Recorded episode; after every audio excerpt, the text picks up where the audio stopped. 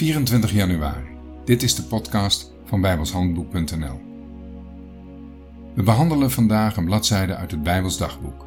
Iedere dag een korte overdenking, met als doel je geloof op te bouwen en te versterken. De muziek bij deze podcast is geschreven en uitgevoerd door Jack Andrew. Uw woord zij te alle tijden in aangenaamheid met zout besprengd, opdat gij moogt weten hoe gij een ieder moet antwoorden. Gods woord is ons woord en ons woord is Gods woord. Gods woord heeft ook alles te maken met de woorden die wij elke dag spreken.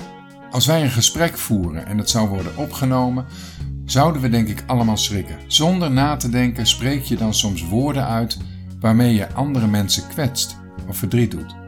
Dat is natuurlijk nooit de bedoeling, maar het gebeurt wel. We lezen dat het woord van de gelovige altijd aangenaam moet zijn. Wat doet het woord van God met zout dan met een mens? Ten eerste, het woord conserveert.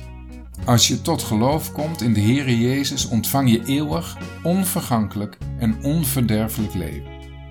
Ten tweede, het woord is een medicijn.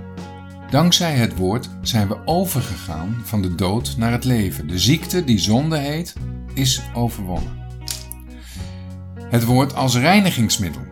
We lezen in Efeze 5, vers 26 over Christus en de gemeente, opdat hij haar heilige zou, haar gereinigd hebbende met het bad des waters door het woord. En als laatste, het woord heeft een smaak. Het woord is of ten dode, en dan is het bitter, of het is ten leven, en dan is het zoet.